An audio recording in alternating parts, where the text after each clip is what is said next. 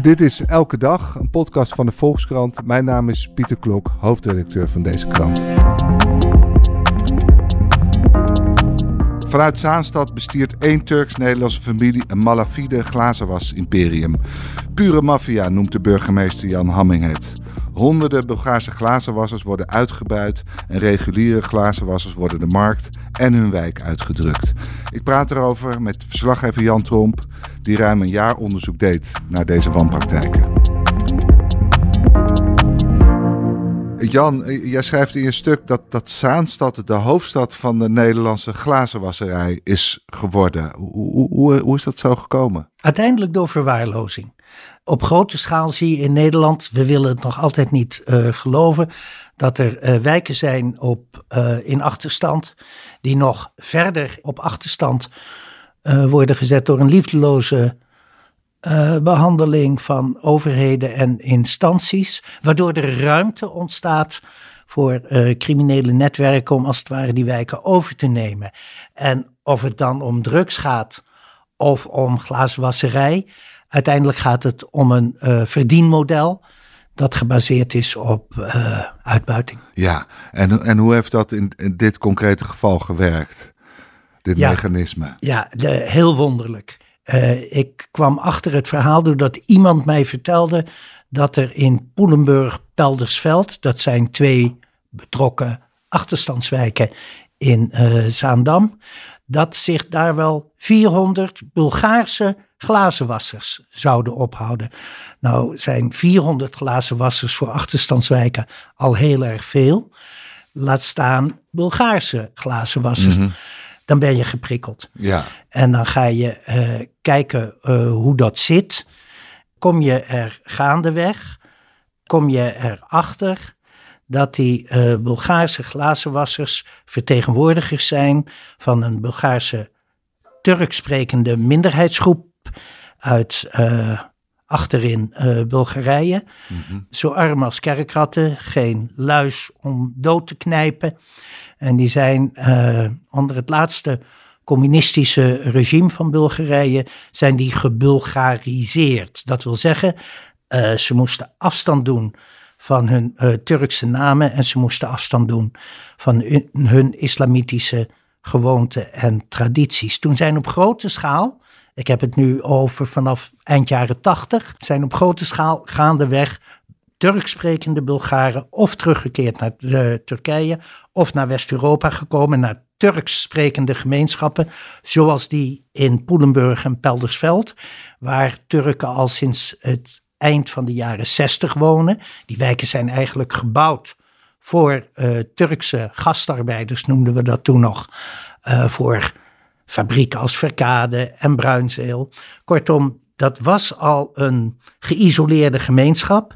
De Bulgaren hebben zich daar aangesloten, zijn vaak analfabeet, spreken alleen hun eigen dialect, hebben geen opleiding, hebben geen enkele kennis van wat voor systeem dan uh, ook en leven buitengewoon schuw, teruggetrokken in die galerijflats van Poelenburg-Peldersveld. Uh, Daar zijn ze opgenomen door uh, Turken, Turkse uh, Nederlanders, die in de glazenwasserij terecht waren gekomen. En die zagen hun kans schoon om op grote schaal Bulgaren aan het werk te zetten. Dat doen ze buitengewoon, ja, je kunt niet anders noemen dan geslepen.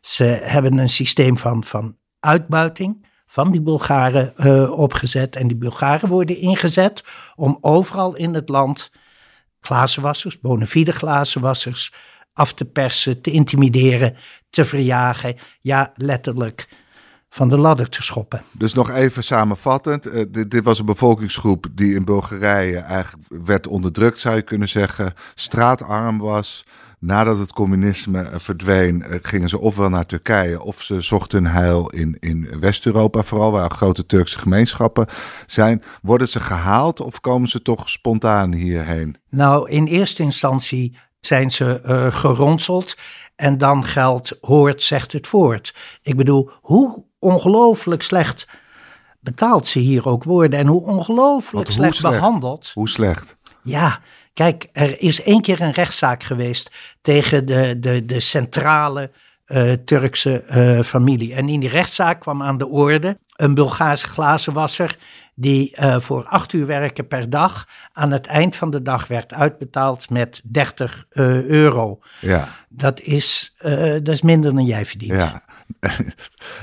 maar je had het net over een ingenieuze manier van uitbuiten. Hoe, hoe, hoe, hoe werkt die precies? Ja, dus hoort zegt het voort, dan komen ze zelf, want hoe slecht betaald ook, altijd nog vele malen beter dan wat ze daar aan armoede in uh, Bulgarije uh, hadden. Ja, dan werkt het trapsgewijze. ze komen naar Poelenburg, ze worden daar opgevangen door laat ik zeggen, handlangers van de regerende uh, Turkse familie. En dan gaan ze eerst naar een regionaal loket waar je je kunt inschrijven als RNI, registratie niet ingezetene. Dus je gaat niet naar het loket van de, van de burgerlijke stand, zal ik maar mhm. zeggen. Want daar moet je een adres op geven en een adres heb je niet, althans geen, niet een vast adres. Zo'n registratie niet ingezetene geldt formeel voor vier maanden, maar niemand die dat controleert. Dan heb je een BSN-nummer. Ja. En met dat BSN-nummer kun je arbeid gaan uh, verrichten. En je hebt een voorlopig adres. Maar dat voorlopige adres, dat, dat, dat, dat geldt zolang het duurt. Dat kan een dag zijn, een maand zijn, drie maanden. Maakt uh, niet uit. Vervolgens, alweer onder Turkse regie, gaan die Bulgaren naar de Kamer van Koophandel.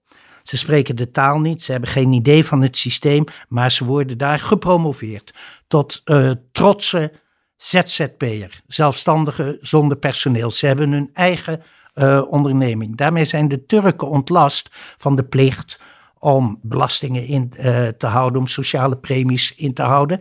Nee, dat berust allemaal bij de zogenaamde uh, zelfstandigen. En dan het sluitstuk wordt gevormd door de huisvesting.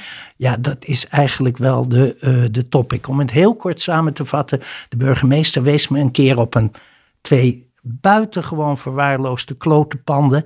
En die zei, kijk, daar hebben we een tijd geleden een uh, inval gedaan. En bij die inval troffen we in die twee pandjes 78 uh, matrassen voor 78 Bulgaren.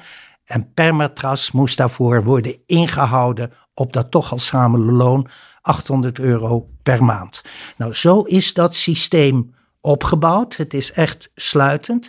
En die Turken, nee, de, de Bulgaren moet ik zeggen, dat zijn er dus ongeveer naar schatting 300 op dit moment. Ja, dat is fascinerend om te zien. Die vertrekken ochtends vanaf Gibraltar, dat is een winkelcentrum in uh, Zaandam, vertrekken ze in alle vroegte. Vanaf een uur of zes uh, waaieren ze uit het land in. Busjes met ladders. Tientallen busjes met ladders. Het is een buitengewoon wonderlijk gezicht. Op dat Gibraltarplein komen ze min of meer samen. Daar slaan ze wat proviant in. En van daaruit worden ze uitgestuurd naar plaatsen waar ze nog nooit van gehoord hebben. Ik noem Hilversum, Oosterhout, Uden, whatever. Het hele land. Het hele land. En daar uh, hebben ze uh, opdracht om in nooit gekende wijken met uh, spons en zeem te gaan lappen. En dat doen ze ook. Ja, maar zijn die wijken dan niet in handen van andere glazenwassers? Jawel, dat zijn ze. En wat dan als die zich melden? Dan wordt gezegd dat ze moeten oprotten. Ja. En dat hun patron, hun baas, die wijk heeft overgenomen, heeft gekocht. En dat zij daar nu uh, uh, ramen lappen. Maar je gaat dus gewoon ramen lappen bij een willekeurig huis. En dan ga je geld incasseren. En dan, ga je, dan schel je aan en dan zeg je uh, er is gebeld. En er zijn tal van, van berichten, met name op het internet, van bewoners die zich buitengewoon ook geïntimideerd voelen. En die zich bedreigd voelen en die ook klagen over het feit dat hun glazenwasser uit de buurt is weggepest. En die moeten betalen. Ja. En, uh, en ze laten zich niet wegsturen. Kortom, het is een, het is een, een, een prachtig crimineel ja, systeem. Ja. Dat zit onder de oppervlakte. Dat, dat zeg ik altijd als ik. Ik ben nu twaalf jaar bezig met ondermijning. En ik kom in allerlei buurten in Nederland, altijd achterstandsbuurten. Heel interessant om daar uh, uh, te verkennen. En wat je altijd als noemer aantreft, onder het plaveisel het moeras. Ja. Nederland is een keurig aangeharkt land. Het stoepje wordt nog steeds uh, geschopt. Jawel, de ramen worden gelapt. Maar daaronder, daar gist en broeit het. En, en, en vindt een op criminele leest geschoeide achterstand plaats. Die, waarvan we ons nog altijd, vind ik, te weinig uh, bewust zijn. Het zijn parallele samenlevingen met hun eigen orde, hun eigen ordening, hun eigen bazen. En wat ook zo kenmerkend is voor die buurten, overheden staan op grote afstand. Geldt ook voor Zaan, Zaandam, geldt ook voor Poelenburg, Peldersveld. Ja, doe me een beetje denken aan, uh, even een zijweg, maar aan Zweden. Want daar heb je ook nog van die keurig aangehakte wijken waar Precies. het bendegeweld inmiddels ja. Uh, ja, enorm is geëxplodeerd eigenlijk. Maar dat, dat zie je, je ziet het niet. Nee, dat is het interessante. Je, je had nog even naar die glazenwassersbranche. Want dat is een branche waar het uh, ja, in het verleden ook wel eens ruig aan, to aan toe ging. Ja, die strijd om gebieden is er altijd wel geweest. geweest. Waarom gebeurt het juist daar? Een hele belangrijke factor is dat er contant kan worden betaald. Er is niet een, een giraal uh, systeem, er wordt niet uh, gepind. Ja, dat maakt het tot een, tot een geweldig goed uh, verdienmodel. Eén, je kunt vragen wat je wilt, in principe. En twee, niemand, geen instantie die zicht heeft op wat jouw omzet is. Dus je kunt je omzet verdonkere manen. Je kunt, het, is, het is een walhalla. Witwassen. Ja, een walhalla voor witwassen. En waarom is dat zo lang gebleven? Omdat het puur is, je belt aan en dan wil je gewoon cash. Ja, de betrokken bewoners zijn ook altijd gewend om, ja, als je zegt kan ik pinnen en het antwoord luidt nee, ja. dan moet je je geeltje op tafel maar, leggen. Speelt ook nog een rol, want volgens mij heb je geen enkele opleiding nodig, toch? Voor glazenwasser? Nee, je hebt geen uh, vergunning nodig voor uh, glazenwasserij en er is ook geen er zijn ook geen gediplomeerde glazenwassers. Er zijn glazenwassers. Iedereen moet het kunnen doen. Jij kan het ook. Ja, uh, nou goed, eh, de, de, burgemeester van Zaanstad die heeft nu toch besloten van ja, dit, dit kan zo niet doorgaan. Ik zie, mijn, ik zie een wijk in mijn stad toch ook verloederen. Ja. Ik, ik kan niet toestaan.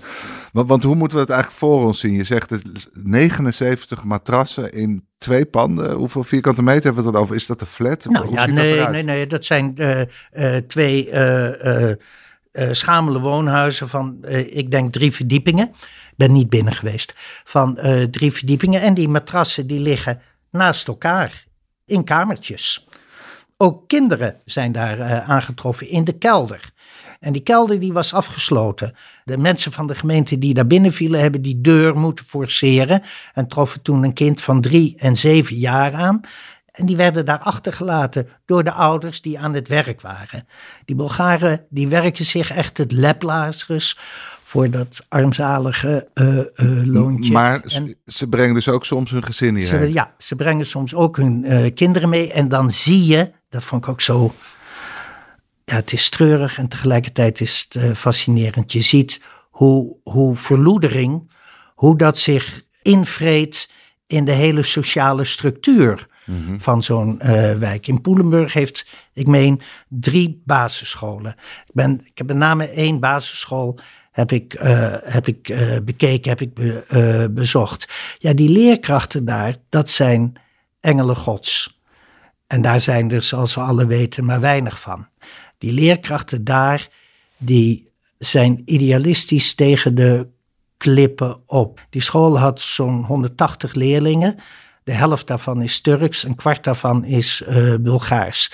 Die Bulgaarse kinderen die komen naar school wanneer het de ouders belieft en blijven weg wanneer het de ouders uh, belieft. Vaak uh, worden die kinderen tussen aanhalingstekens opgevoed door grootouders die zijn overgekomen omdat de ouders werken. Ja, zegt de directeur van die school, dan komen ze in een buggy met luiers om, met een lolly in hun mond. Komen ze veel te laat op school. Ze kunnen, ze spreken de taal niet, ze kunnen niet rekenen. Het is hopeloos. Ja. En tegen al die verdrukking in proberen die engelen gods, zoals ik ze noem, nog iets te redden. Ja, en nu heeft de burgemeester uiteindelijk gezegd: dit is een onacceptabele situatie. Ik ga dit op een of andere manier aan banden proberen te leggen. Waarom heeft hij daar zo lang mee gewacht en, en, en wat kan hij doen? Nou ja, in de vraag ligt het antwoord al besloten. Hij kan uh, eigenlijk maar uh, bitter weinig uh, doen. Want glazen wassen staat in ieder vrij, daar begint het mee. Weten is nog niet bewijzen. Daar gaat een enorme kloof tussen. Zeker in, in een land als Nederland, waar, nou ja, hoe rijker je bent, hoe beter je advocaat. Mm zal ik maar zeggen. Dus juridisch is het uh, erg slecht uh, aan te pakken. En die hele infrastructuur, van de sociale infrastructuur van die wijk is gewoon verrot. Ja. Door de jaren heen, door de stelselmatige, ik noem het altijd neoliberale verwaarlozing, is er een achterstand opgebouwd die je niet overnight compenseert. In Zaanstad bijvoorbeeld hebben ze daar nu een plan voor opgesteld dat zich uitstrekt over 20 jaar. En over 20 jaar hopen ze een basale voorziening te hebben. Ouderen werken, kinderen gaan naar school en, en, en huizen zijn behoorlijk uh, bewoonbaar. Dat vergt enorm veel inspanning en tijd en vooral samenwerking tussen instanties voordat je zover bent. En de samenwerking tussen, kijk, met de mond wordt heel veel liefde beleden door de diverse instanties, of het nou de woningcorporatie is, arbeidsinspectie of belastingdienst, maar ja. allemaal volgens de eigen orde, volgens de eigen programmering, de eigen codes. Ik vind het een grove schande hoe overal in Nederland het georganiseerde verzet tegen dit soort achterstanden vastloopt op uh, bureaucratische eigenwijzigheid. Maar proef ik nou dat je eigenlijk twee sporen schetst? Dus, dus dat gaat over een periode van 20 jaar proberen om, om de voedingsbodem hieronder weg te halen, denk ik. Hè? Om, om de kinderen goed op te leiden, om die wijk te versterken. Zodat mensen niet in de verleiding komen om dit te doen. En als ze wel in de verleiding komen, snel gecorrigeerd worden. Dus, dus echt weer aan het sociaal weefsel werken. Maar dat, duurt heel, dat, is helemaal kapot. En dat moet je weer vanaf de. Zo is het. maar dat is de zachte, warme, sociaal-democratische aanpak. Maar is er ook nog moet je daar uh, parallel daaraan toch ook niet een soort harde aanpak ontwikkelen om, om hier tegenwicht aan te bieden? In de zin van dingen verbieden, uh, wetgeving. Uh. Oké, dit, dit, dit is een Elsevier-vraag, maar ik ga er toch op in.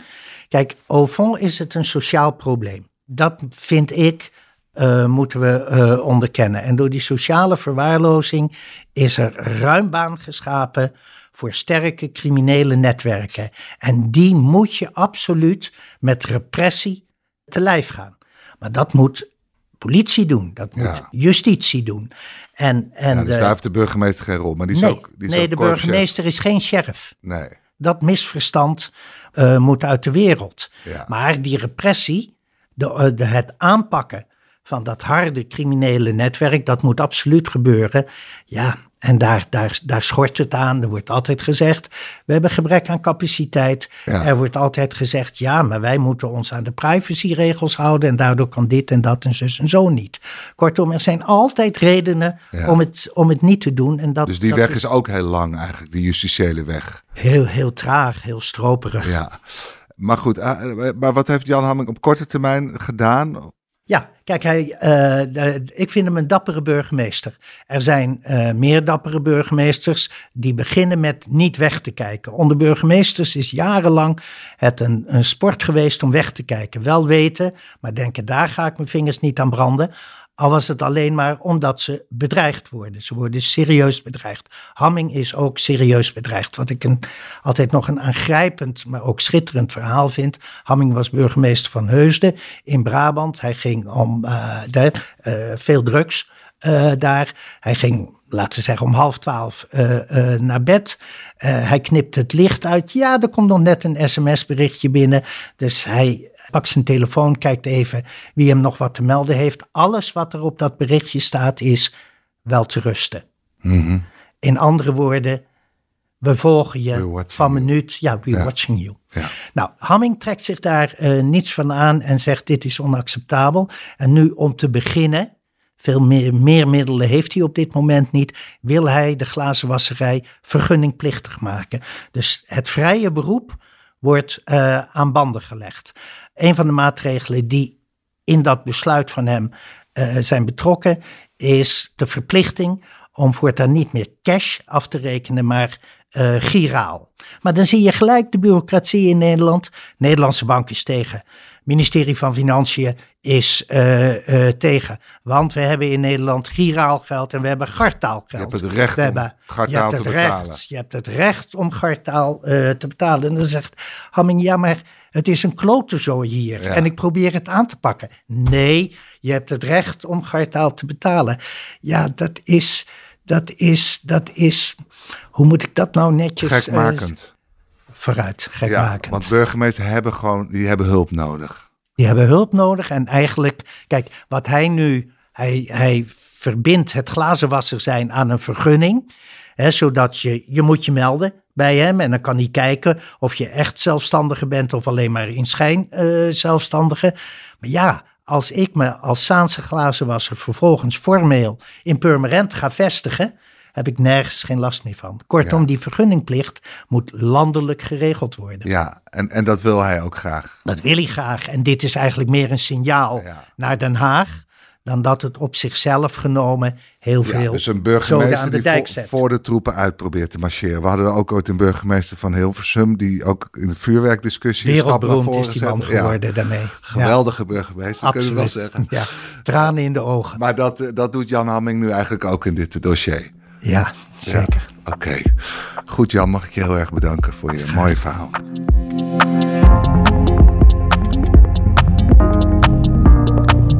En u luisteraar, dank voor het luisteren naar de Volksstand Elke Dag. Deze aflevering werd gemaakt door Lotte Grimbergen, Julia van Alem en Rinky Bartels.